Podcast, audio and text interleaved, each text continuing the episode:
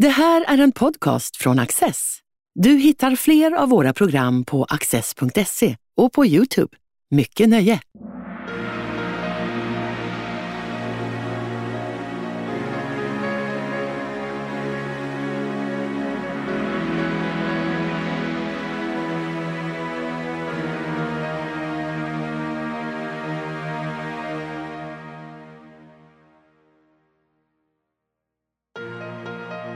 Drömmen om ett imperium som omsluter den bebodda världen har uråldriga anor. Hur har drömmen motiverats? Är den bara av ondo? Och hur har det gått när försök har gjorts att realisera den? Peter Luthersson samtalar med Bo Eriksson, författare och filosofie doktor i historia vid Stockholms universitet och med Åsa Karlsson, filosofie doktor i historia och huvudredaktör för Svenskt biografiskt lexikon.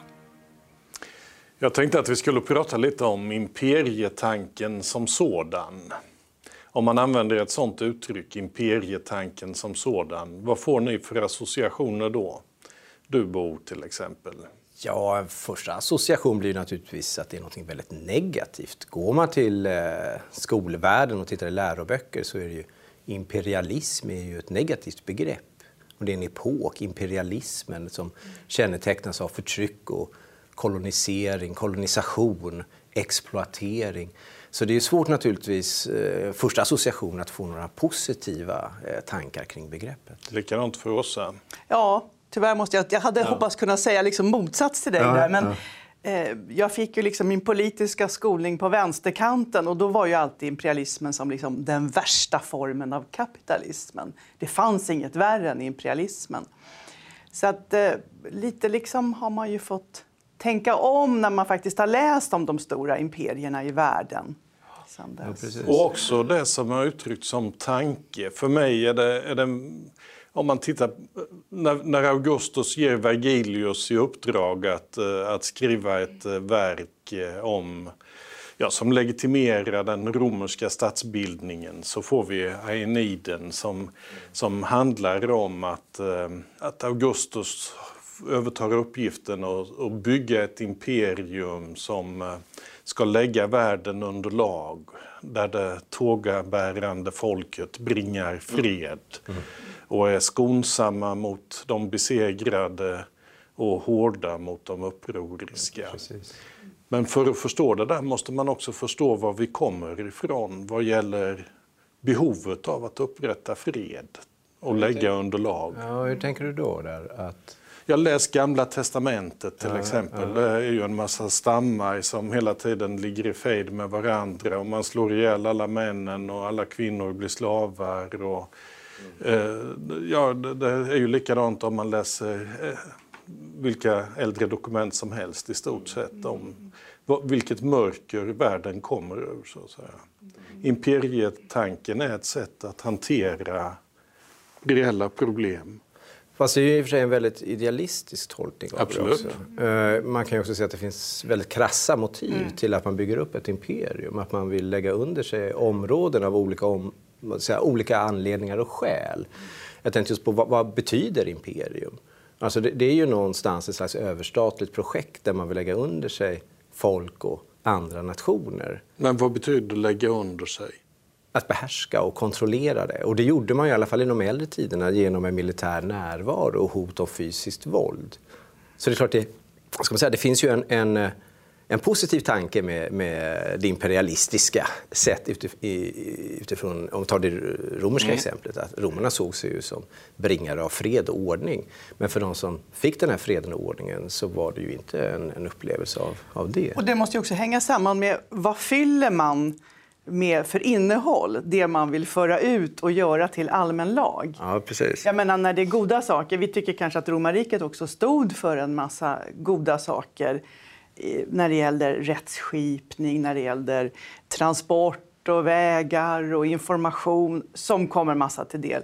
Men det är klart, de imperier som har fyllt det med ett mer negativt innehåll, om vi till exempel tar lite modernare imperier som mm. Sovjetunionen och så, kanske inte var lika positivt. Alltså det här innehållet måste ju vara viktigt. Vad är det man vill mm. ha för ett In, imperium? Innehållet är viktigt, men ja. så säga, utifrån den där samtida föreställningen om att imperietanken nödvändigtvis uppstår ur någon slags vilja att förtrycka. Eh, jag tror det är ändå en helt felaktig okay. föreställning mm. historiskt sett.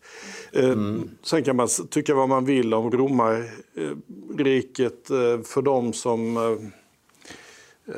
blev ockuperade, att, eh, att det var negativt sådär. Men man kan också säga att um, Pax Romana mm. varade i ungefär 200 år, åtminstone de sista 100 åren av dem under de fem goda kejsarna så rådde ju rimligt goda förhållanden. Sen har man hela tiden gränsstrider och sådär. Ja, precis. För det, det är ju lugn i riket, men det är mm. verkligen inte lugnt utanför riket. Nej. Men jag läste nyligen faktiskt Judarnas krig av eh, Josefus, eller Josefus. Och, um, Ny svensk översättning. Ja, precis. Och nu, det finns en väldigt intressant scen där, där en, en representant för romarriket talar till det judiska folket som, som vill göra uppror. Och så säger han till dem att ni har inget skäl att göra uppror därför ni är underkuvade. Ni skulle ha tänkt på det när, i den första generationen som blev underkuvade. Där hade ni er chans, men nu har det gått många generationer. Så alltså gör ni fel. Och om ni jämför med andra, som med grekerna, de har verkligen skäl att göra uppror, men inte ens de gör det. Alltså det finns också Även om jag håller med dig om att de såg Grekerna sig... försökte också. Ska... Ja, det gjorde de i och för sig, men det gick inte bra där heller. Eh, även om det så säga, finns en god intention från romarna, eh, vilket man kan se naturligtvis i deras dokument i litteraturen och så, så finns det ju också en väldigt tydlig alltså, vad ska man säga, maktdemonstration i deras historiska utövande. Och det där blir ju en väldigt intressant diskrepans. Men jag tycker att det här imperiebegreppet bör problematiseras så att det inte enbart ses som något negativt, ett förtryckande. Det finns en god intention också hos imperierna, oavsett var vi än rör oss i världshistorien. Den här fredstanken kan man väl se egentligen med alla imperier, hur usla eller hur bra de ens har varit. Ja. Jag menar, tänk på Sovjetunionen igen. Mm. De krig och de stridigheter som har utbrutit efter att Sovjetunionen föll. Jag menar, en, en sån stor makt kan ju hålla ett lugn på sitt territorium förstås. Mm. Men Sovjetunionen, jag vet att Claes-Göran Karlsson skrev en bok där han eh, har i underrubriken om eh, eh Eh, Sovjetunionens terror mot den egna befolkningen. Mm. Jo, det är verkligen. Eh, romarriket, om man, nu, om man nu går till ett sånt dokument som Vergilius mm. så är ju tanken där att man är överlägsen genom sin styrka. Att man behärskar nästan hela den bebodda världen. Så såg ju världen ut då. Det som finns i randområdena, ja det är Parterriket kanske, men i övrigt så är det, är det barbarstammar eh, enligt romers sätt att mm. se och uttrycka sig. Eh, och, och romarnas uppgift är då att bringa fred, lägga under lag, skapa civilisation. Mm. Mm. Visst är det så. Visst är det så. Och det blir, då blir det lite intressant också om man nu vill problematisera imperiebegreppet att jämföra det romerska imperiet med till exempel det vi ser på 1800-talet eller egentligen 1700 och sen in på 1800-talet när den växer. Alltså den här imperialismen som ju har den här negativa klangen. Det är ju en tydlig och vad ska man säga, väldigt offentliggjord exploatering av de underlydande områdena som bygger på en ren materialism i, i sitt förhållningssätt. Alltså man vill få ut inkomster och varor ifrån kolonierna. Den tanken finns ju inte i de gamla eh, imperierna som jag ser det. Även på 1800-talet omgärdas ju detta med en annan typ av retorik mm, också. Mm, mm. Som säkert var förljugen för uh, somliga av de som använde den men kanske mm. autentisk uh, för, för andra. Eh, när Burke ser till att det blir riksrättsåtal emot eh, eh, eh, den som har haft ansvar för förhållandena i Indien i slutet på 1700-talet så, så eh, talar han ju om att eh, här blir eh, brittiska undersåtar behandlade i Madras på ett, på ett sätt som vi aldrig skulle tillåta i London. Och det är orimligt. Även detta omgärdas med mycket resonemang om att bygga civilisation och anpassa till moderna förhållanden. Och, eh, så, ja. så att, eh, det behöver ju inte skilja sig jättemycket åt. Nej. Men lite Nej. tycker jag måste protestera när du säger Ja. att romarriket inte har några som helst materiella intressen. För jag menar, behovet av slavar kan vi väl inte helt bortse ifrån. Nej, nej, absolut. Och det har ju, jag menar, det är ju den traditionella bilden så framställer man det ju som en, Mm. en viktig drivkraft för expansionen. Att man måste ständigt få ett inflöde på slavar. Mm. Och så hade man ju naturligtvis Nordafrika som en, en, en, en spannmålsbod. Och så. Jo, så, jo, precis. visst, det finns. Det men, finns men det finns kanske in- inte är dominerande, men det Nej, finns. för jag, jag, jag tror att skurken i, i dramat när man kommer in på tidig modern tid det, och i det västerländska samhället och i de civilisationerna, eh, den engelska och den spanska, och holländska och portugisiska, det är ju, det är ju vinstintresset, alltså kapitalismen som kommer som en, en motor i imperialismen. Alltså kolonialism som sen leder över till imperialism. Eh, Och det är en annan sak, tycker jag, när man, än när man tittar på det romerska imperiet. Och för all del, vi rör oss ju fortfarande i väldigt snäv krets. Man kan blicka österut och man kan blicka västerut och gå till inka, maya och aztekerna.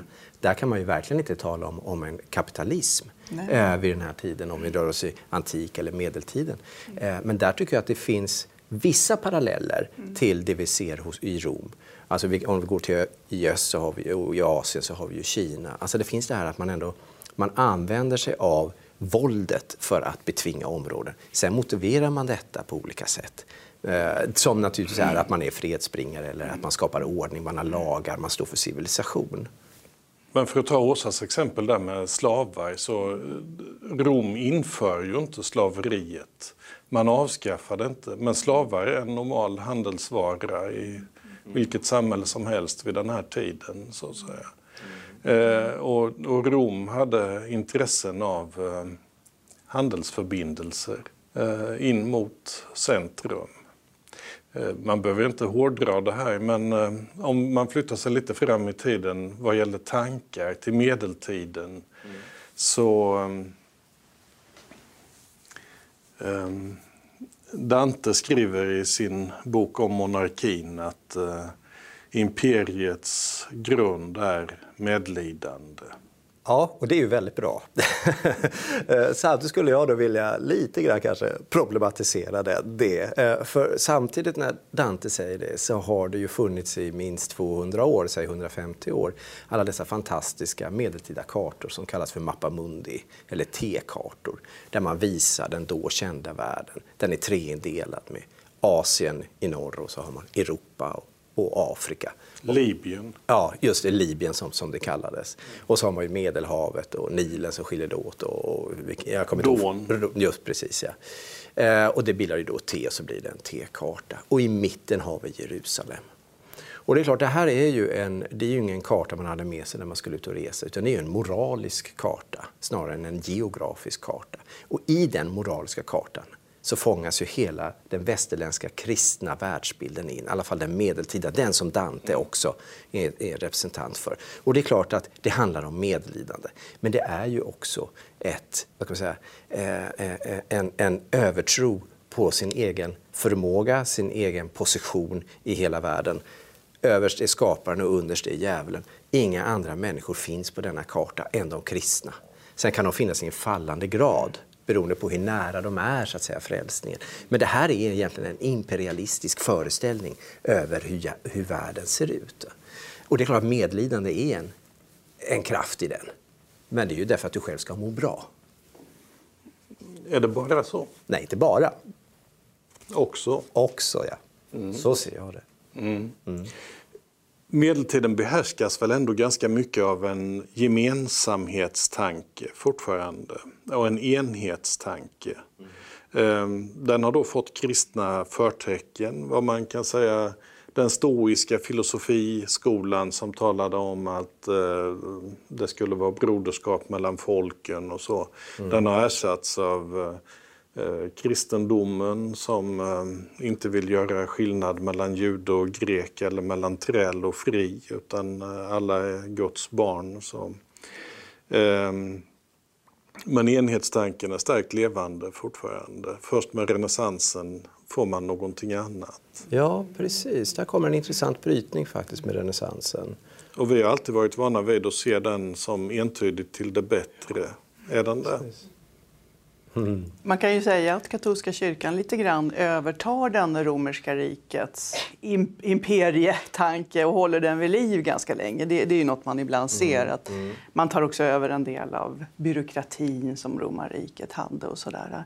Men, men just renässansen och reformationen, får man väl tillägga då, där bryts ju det här och där börjar den utvecklingen som, väl, som vi har sett med nationalstater, med de här mindre områdena som ska ha sitt språk, sin egen ekonomi, sitt eh, politiska system och så vidare. Ja, är det bra eller dåligt? Det är ju eh, naturligtvis en smaksak. Men, men det har ju varit också en framgångsrik väg naturligtvis. För... Alltså, jag, jag ser renässansen, eh, framförallt eh, slutet på 1400-talet Eh, nu är det lite grann beroende på vilken renässans vi talar om. Nu talar vi om kanske en allmän renässans. Den, den nordiska renässansen kommer ju senare. Jag talar inte om den persiska på 800-talet eller så, utan den italienska. Nej, den, den, ja, den italienska. Och, så. och då, då, rör vi oss egentligen i, i ett slutskede av renässansen. Och, och där, där, tycker jag att man ser ett, ett uppvaknande snarare än ett återfödande. Alltså det, det, är ett uppvaknande från en väldigt idealistisk föreställning av hur världen ser ut. Rent, alltså det, upptäcktsresorna, eh, ibland underskattas upptäcktsresornas betydelse. Därför att vi fokuserar på fel saker tycker jag. Om man tänker på de som faktiskt åkte iväg. Det är inte bara Columbus, det är Vasco da Gama och det är många som reser iväg. Vad är det de upptäcker? De upptäcker en annan värld än vad som finns på deras kartor. Som finns i deras mentala mm. Eh, universum. Och den, den kontakten, den brytningen gör att man plötsligt upptäcker att här finns det andra folkslag som vi kan utnyttja som vi kan använda för våra syften, som vi har en skyldighet, en moralisk skyldighet att antingen frälsa eller att se till att de inte befolkar denna jord. Alltså, I det mötet uppstår en helt annan typ av imperium. Här föds någonting som sen leder vidare fram. Jag är inte, jag är inte alls säker på det där. Alltså, det är bara det att det sker i en ny skala. Eh, romarriket mötte ju också hela tiden nya folk och olika folkgrupper i en värld som då var kunskapsmässigt mindre. Men det gör ju inte att tankeformen nödvändigtvis eh, förändras, utan det är en värld som man vill behärska. Men jag tror att om man entydigt beskriver den på det här moderna sättet, att man vill behärska den för att utnyttja den och förtrycka den, så ser man inte hela, um, hela bilden. Mm. Um, för att få med sig många i den här typen av projekt tror jag också att det gäller att um, ha åtminstone föregivna ideella målsättningar. Mm. Eh, den medeltida enhetstanken den går ju mycket ut på att, eh, att det ska finnas två härskare, en ja, andlig och en världslig. Mm. Där påven, som Åsa är inne på, är den andliga härskaren och den världsliga härskaren ska vara kejsaren. Mm. idéerna i påvens fall en jord och en herde. I kejsarens fall ett rike, en kejsare. Det kan rimma med de här Hitlers deviser, ein Volk, ein Reich, ein Führer och sånt där. Eh, men eh, som det uttrycks i eh, det medeltida tänkandet så är det ju en idé om att bringa fred, också i ett tillstånd där man har blivit väldigt, eh, vad ska jag säga, sårbar för konkurrerande krigsherrar och splittring. Absolut. Och sådant. Absolut. Vi har, hade till exempel den här Guds fredsrörelsen runt 1000-talet som jag tycker är en väldigt intressant eh, och lite grann förbisedd eh, företeelse under medeltiden. Att man faktiskt från kyrkans håll eh, försökte samla sina krafter. Man ingick en allians med bönderna. Så att säga. För, eh, och man manifesterade Guds fred på jorden. Alltså det ska vara en ordning och stabilitet inom riket, inom imperiet, inom det kristna eh, inom den stora kristna världen. Och kyrkan ska vara ledande i detta till försoning. Och det här, eh, det, biskoparna gick i täten för den här rörelsen och man samlade bönder. Man gick ut på, på, på fälten och bar relikerna för att försöka och, eh, vad ska man säga, eh, pacificera riddarna som, som härjade ute på landsbygden. Eh, och man lyckades till, till viss del faktiskt. Och sen kommer ju korstågen också där, där riddarna får en mer, eh, säga, ett tydligt samhällskontrakt att ni ska försvara eh, ordningen och skydda de, de värnlösa.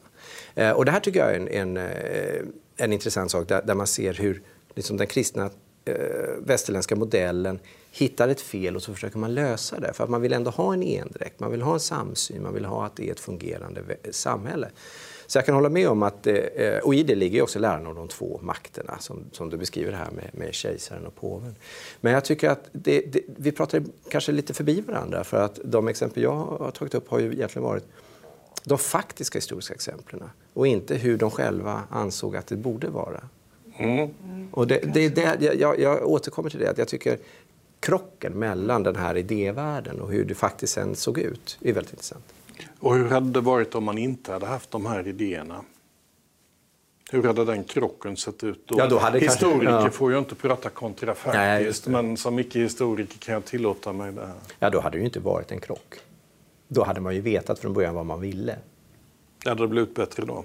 Nej, det hade blivit mer det hade förvärrats och det hade förvärrats tidigare. Jag vill ändå se en utveckling i hur imperialismen, i alla fall i den västerländska modellen, hur den liksom förstärks och hur den finner sina vägar och att en viktig motor här är, är övergång från förkapitalism till kapitalism.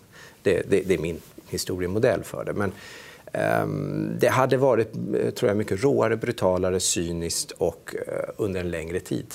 Jag tror som historiker har man väl svårt att tänka sig den tanken att det bara är eh, liksom idéer som driver fram ja, de här precis. imperierna. Det är kanske därför vi lite mm. protesterar lite. För att mm. Nej, det tror det inte jag heller. Nej, det finns ju men, andra faktorer som driver fram... Men jag vill föra in dem som en spelkraft. Ja, men precis. Därför ja. att vi är så vana att tala om snöd vinning och de materiella mm. faktorerna.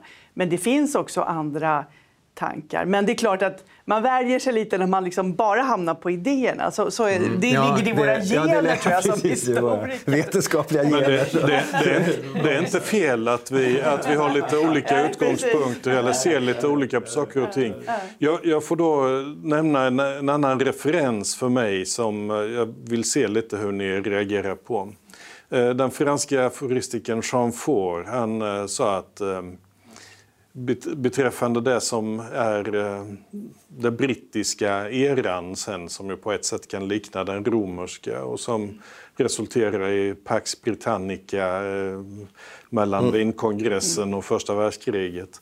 Jean Faure säger eh, ungefär så att vart än britterna förflyttar sig så tar de med sig frihetens frö och planterar det hos de folk och individer de kommer till. Mm. Så att dessa kan skapa ett eh, eget civiliserat samhälle vilket bland annat innebär att de så småningom frigör sig från britterna. Men då har vi ett, ett imperium där man har en god tanke mm. i utgångspunkten, där man är beredd att föra ut frihet och rätten att frigöra sig och så vidare återigen Sovjetunionen som ett imperium där man inte vill att folk ska frigöra sig utan faktiskt vara underkastade och, mm. och lyda centralmakten. Så att det hänger samman på, det hänger mycket på också vad eh, i, makten i imperiet vill med mm. sitt imperium. Mm. Det måste ju vara en viktig fråga ja, absolut, i det här. Absolut, självfallet. Ja. självfallet. Mm. Det är en komponent så att säga. Ja, precis. Och det är väl där i och för sig att idéerna ändå kommer in. Det är väldigt viktigt att förstå ja. på en, vad ska man säga, en empatisk nivå. Inte att man förlåter eller att man ursäktar någonting, men att man försöker förstå verkligen vad, vad var det de här härskarna ville Precis. med sina imperialistiska eh, projekt. Mm. och det är klart att det inte är eh, så enkelt att säga att de ville exploatera områdena utan de hade the white man's burden, som, som det formulerades, den vite mannens börda. Att man hade ett uppdrag. Idag kan vi ju säga att det var ju en fullkomligt vansinnig föreställning, men, men den var ju inte ond i sin tid. Men effekten av det... Burden är ju någonting som Kipling säger att amerikanerna måste ta på sig. Ja. Därför att britterna har nu försökt bringa ordning i världen och, och rycka ut där missförhållandena har uppstått. Och nu är det amerikanerna som får göra det istället. Och då måste man veta att det är en börda. Mm, man kan se på det där på många sätt. Men det finns ingenting i just den dikten som är nedlåtande mot andra folk. Nej. Eh, så fort det händer någonting nu när, när det blir krig någonstans eller det massmord i någon region så, så ropar jag alla varför är det ingen som gör någonting? Mm, varför ja, är det ingen som gör någonting? Jag tänkte precis då, på det. Då, vad man då ropar efter det är imperiet. Mm. Mm, jo, därför att vi, vi klag, jag menar, det har varit en konstant klagan på USA och dess mm. enorma makt. Mm. Men nu ser vi vad som händer när USA mm. liksom vill dra sig tillbaka mm. från eh, andra länder. Ja, det finns andra som är rätt snabba där och mm. vill ta den positionen mm. som vi kanske inte är så intresserade av att under... Nej. Och det finns imperier som, som svarar mot många nu, nutida föreställningar. Jag tänker återigen med litteraturen på Josef Roth och hans beskrivningar av Habsburgimperiet. Det är en massa folk och nationer och språk och religioner som hålls ihop egentligen bara av en enda familj. Mm. Det är inte som renässansen nationer som står i konkurrens och kamp emot varandra utan eh, det är någonting annat, ett slags gränslöst område utan tullar och med fri rörlighet, ungefär som Rom, romarriket också kunde vara. Och som eh, Josef Roth ju verkligen är en som sörjer det habsburgska imperiets eh, undergång. För judarna eh, hade då en mycket bättre situation i imperiet liksom muslimerna, mm. än vad eh, man får i nationalstaterna. Och man kan ju säga att där har du en representation. Du har en riksdag, du har olika kurfurstendömen, kurfurstar som ska välja och utse en kejsare. Eh, det är ju ett sätt att dra in hela det här lapptäcket under den här samlande gestalten, Habsburgerkejsaren. Där tycker jag att vi ser en skillnad dock om vi jämför med det romerska imperiet som vi har haft som en allmän referensram. Att den saknar ju en, en representation eh, från provinserna eller kolonierna eller vad vi nu ska kalla dem. Ja, man utvidgar medborgarskapet ja, vid vissa tillfällen. Mm. Mm. Mm. Men här har man väl också ett, liksom ett modernt problem med imperierna. Att efter upplysningen, när man ändå uppfattar att liksom varje individ ska ha någon slags rätt mm. till politiskt inflytande, så blir det ju svårare och svårare kanske att få ihop det med den här imperietanken. Och det mm. är väl liksom en, mm. en svår utmaning i vår tid mm. att få de här Man, man kan väl säga att latinstudier var ju viktiga väldigt länge i uh, väst. Och uh, Vergilius Aeniden uh, var ett kanoniskt verk som lästes av studenter under 1800 år ungefär. Eh, när romantikerna med sina mer nationalistiska och individualistiska ideal eh, bytte rute mot eh, Homeros. Mm. Mm. Som blir en annan vad ska jag säga, modell av hur den idealiska världen ser ut. Men även sånt som Declaration of Independence och Eh, deklarationen om de mänskliga och medborgerliga rättigheterna i Frankrike eh, 1789 springer ur den romerska rätten. Absolut. Absolut. Men det finns ju naturligtvis Ja, vi har ju talat väldigt mycket om, om, det romerska imperiet. Det kan ju bara kort sägas att det finns ju, vi får inte glömma det, att världens äldsta civilisation har vi ju knappt nämnt. nämnt och det är ju den kinesiska. Alltså där har vi, det finns en asiatisk imperietradition mm. som tror jag skiljer sig ifrån den som vi har haft som en slags modell i vår diskussion kring, kring imperiet och imperium. Och hur ser den kinesiska imperietanken ja, Jag önskar att jag hade bara kunnat säga här har du Peter. jag, jag är inte rätt band för det, men jag kan väl säga att den bygger naturligtvis på dynastier. Det är första viktig sak. Eller partiet idag. Ja, ja mm, absolut. Mm. Som är en slags dynasti. Mm. Ja, absolut. Om man ser Konfucius som en naturlig referenskälla så kan man ju se när partiet nu ska modernisera sig, det kommunistpartiet mm. i Kina, mm. att eh, Konfucius blir en mycket vanligare referens mm. igen. Men nu är vår tid ute. Vi hade kunnat prata en bra stund om det här tror jag. Tack så mycket. Tack.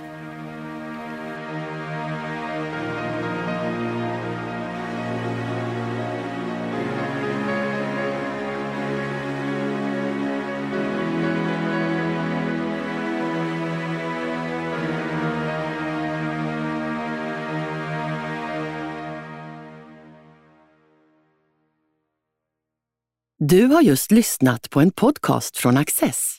Du vet väl att vi också är en tv-kanal och tidning? Teckna en prenumeration idag på access.se.